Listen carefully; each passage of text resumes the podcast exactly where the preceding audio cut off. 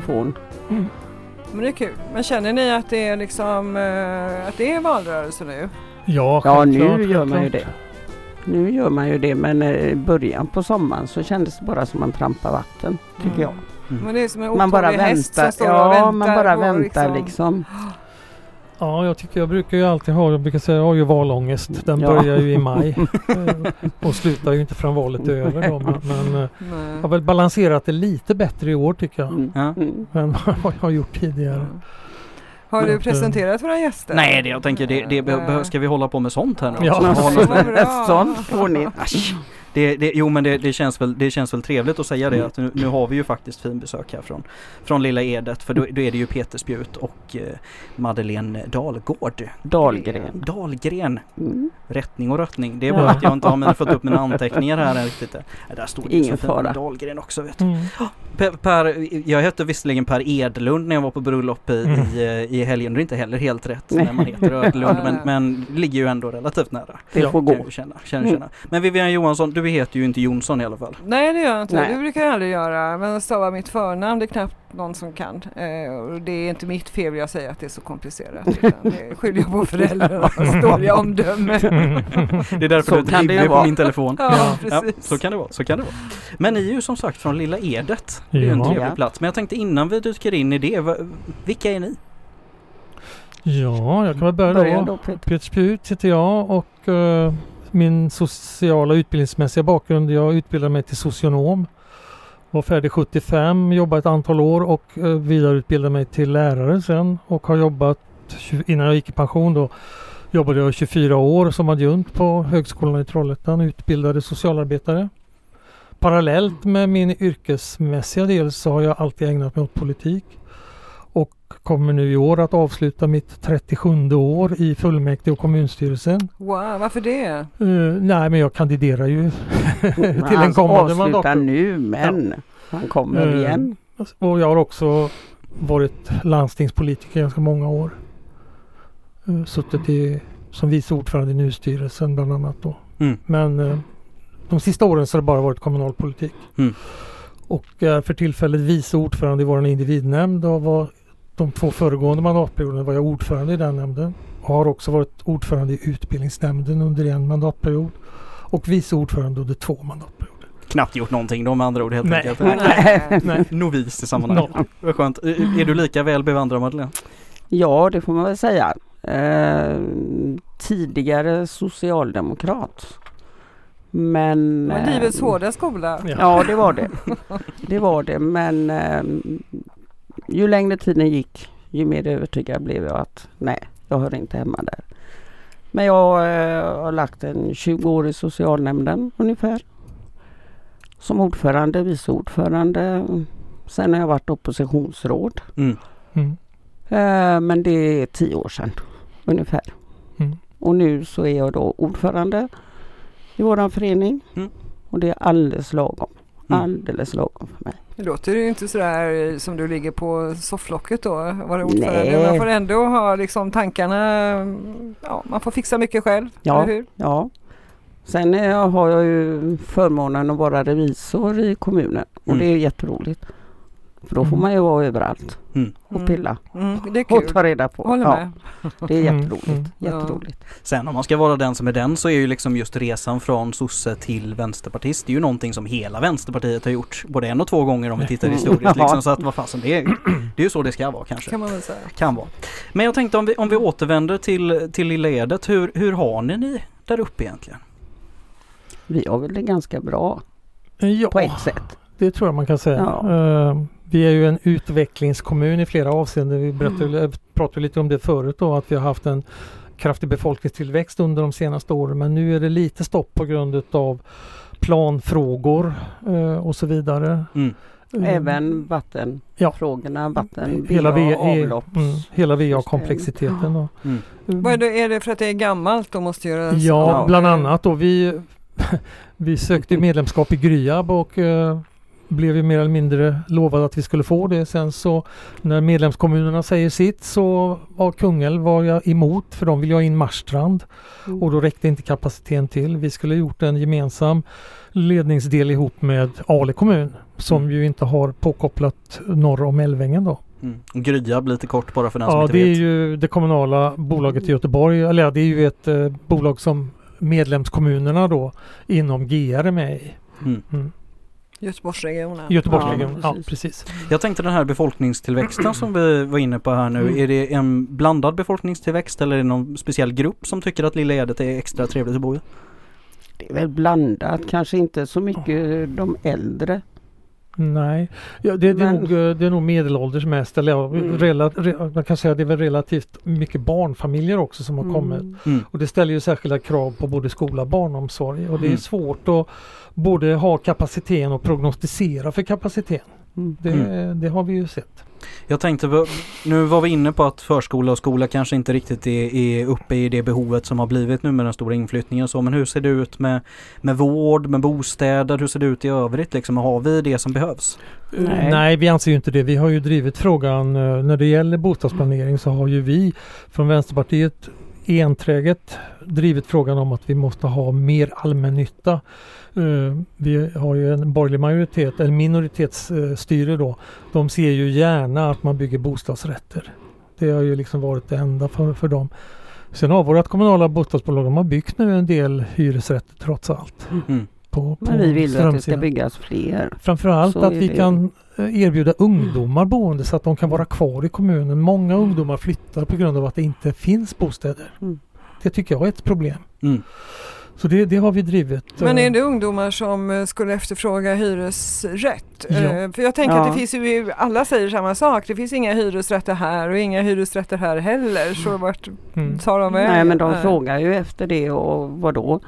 Om du mm, precis har gått ut högskolan, vem säger att du har så mycket pengar att du kan gå loss på en bostadsrätt? Nej, det är ju Det är ganska inte- tufft med Ja. kontantinsatsen Ja, ja, och precis. allt.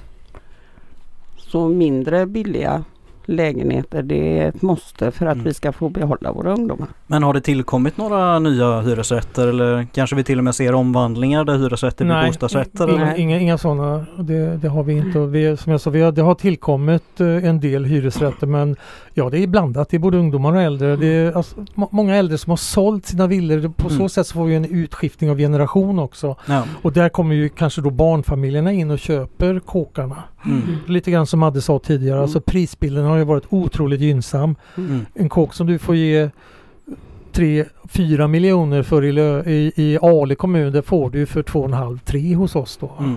Tomterna går inte att prata om Nej. vilka prisskillnader det är.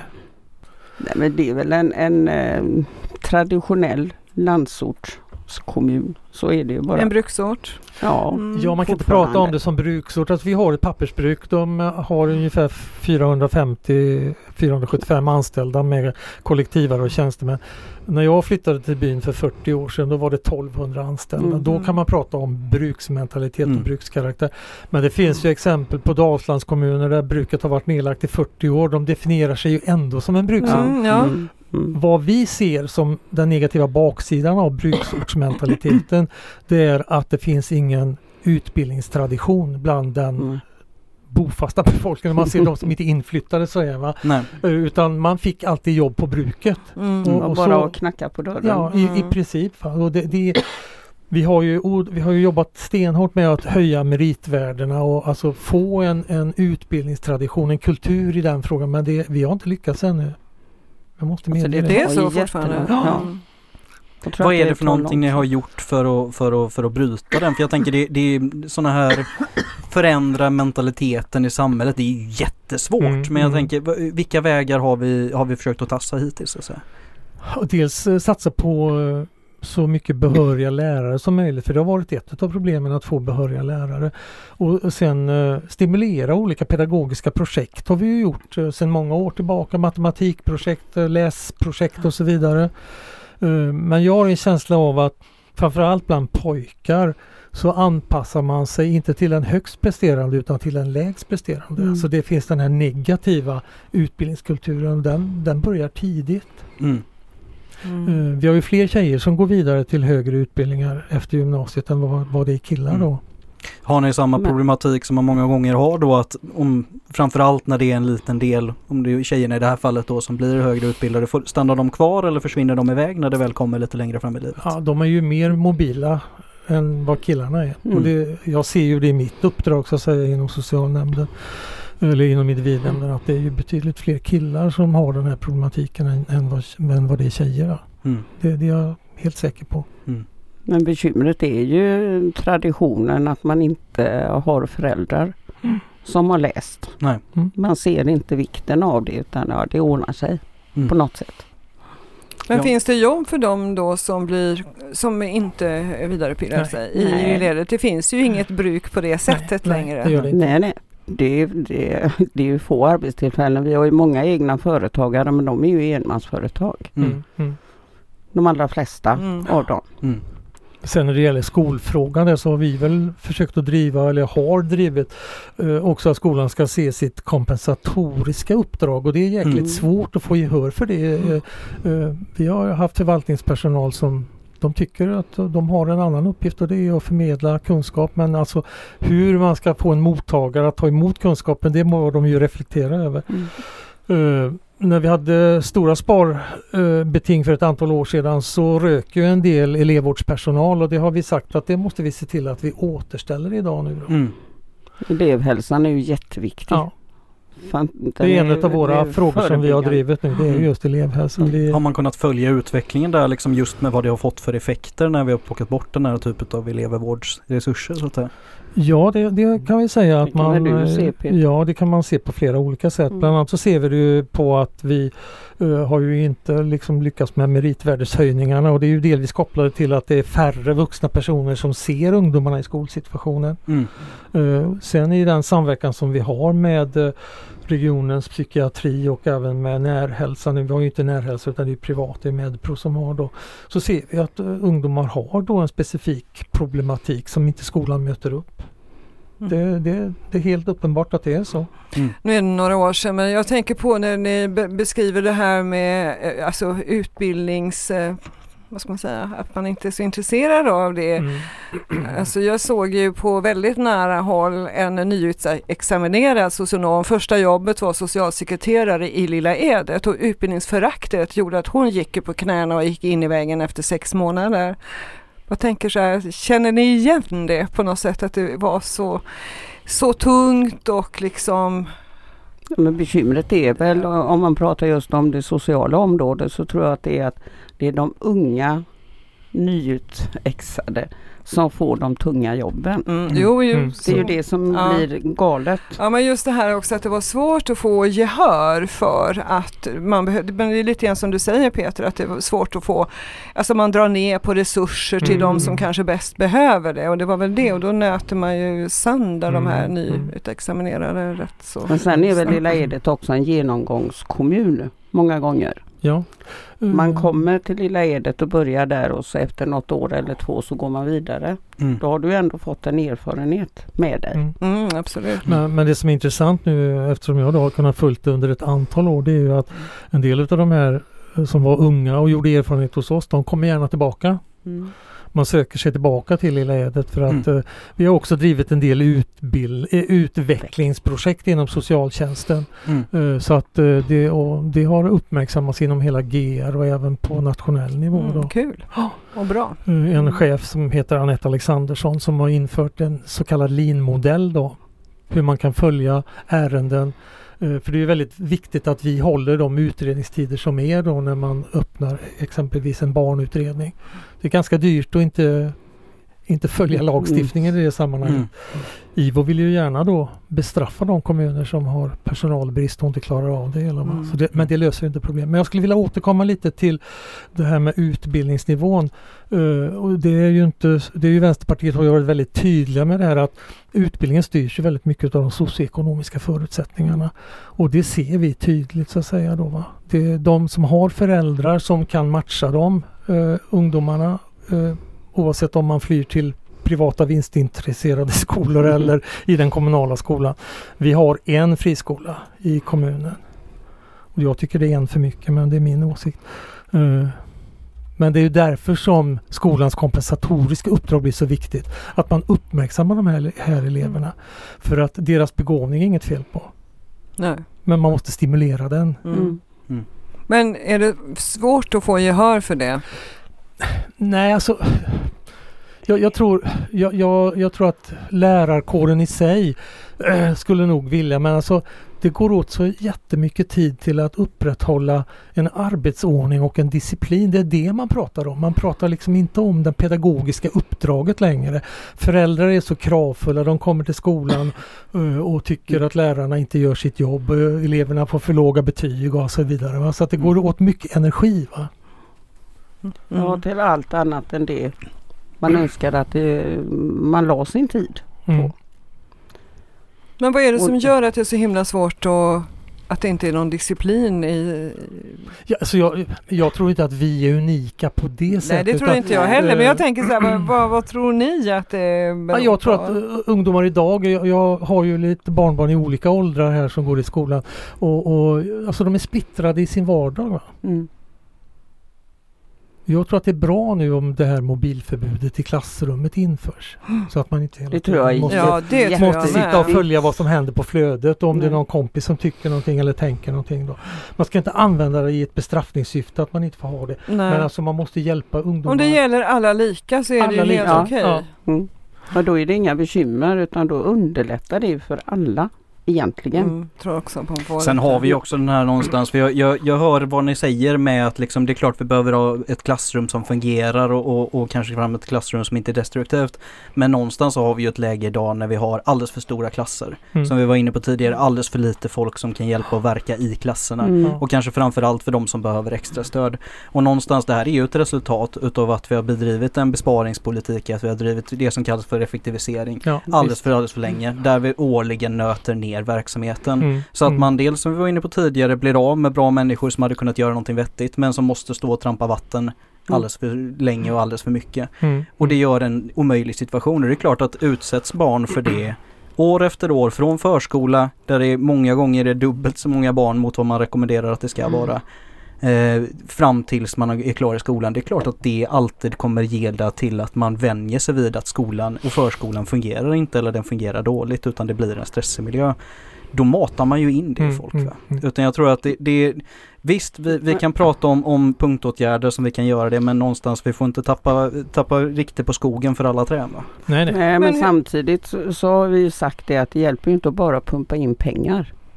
Man får ju titta in i boxen även om man ska Mm. se utanför men titta i boxen. Mm. Vad gör vi med det vi har? Mm. Och det har man missat många gånger och det har ju vi påpekat Mm. Vid flertalet, Vi, ö, otaliga gånger.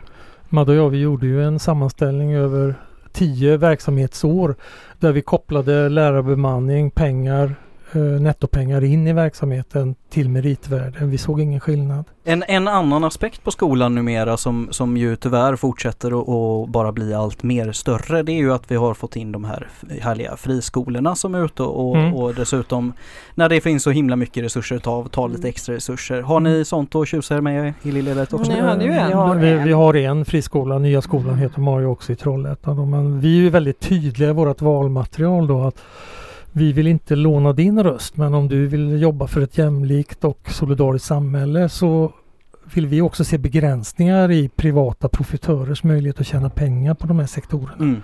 Väldigt, väldigt tydliga. Mm. Och, och det eh, tycker jag väl partiet centralt också är men man skulle kunna ha tryckt på det ännu mer i Mm.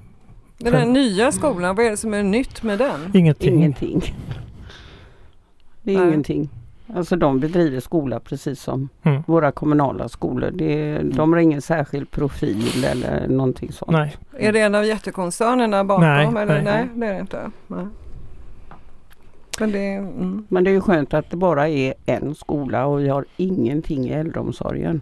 Det, Det känns väldigt bra. det förstår jag. säga. Mm. Håll emot. mm. Ja, så gott det går.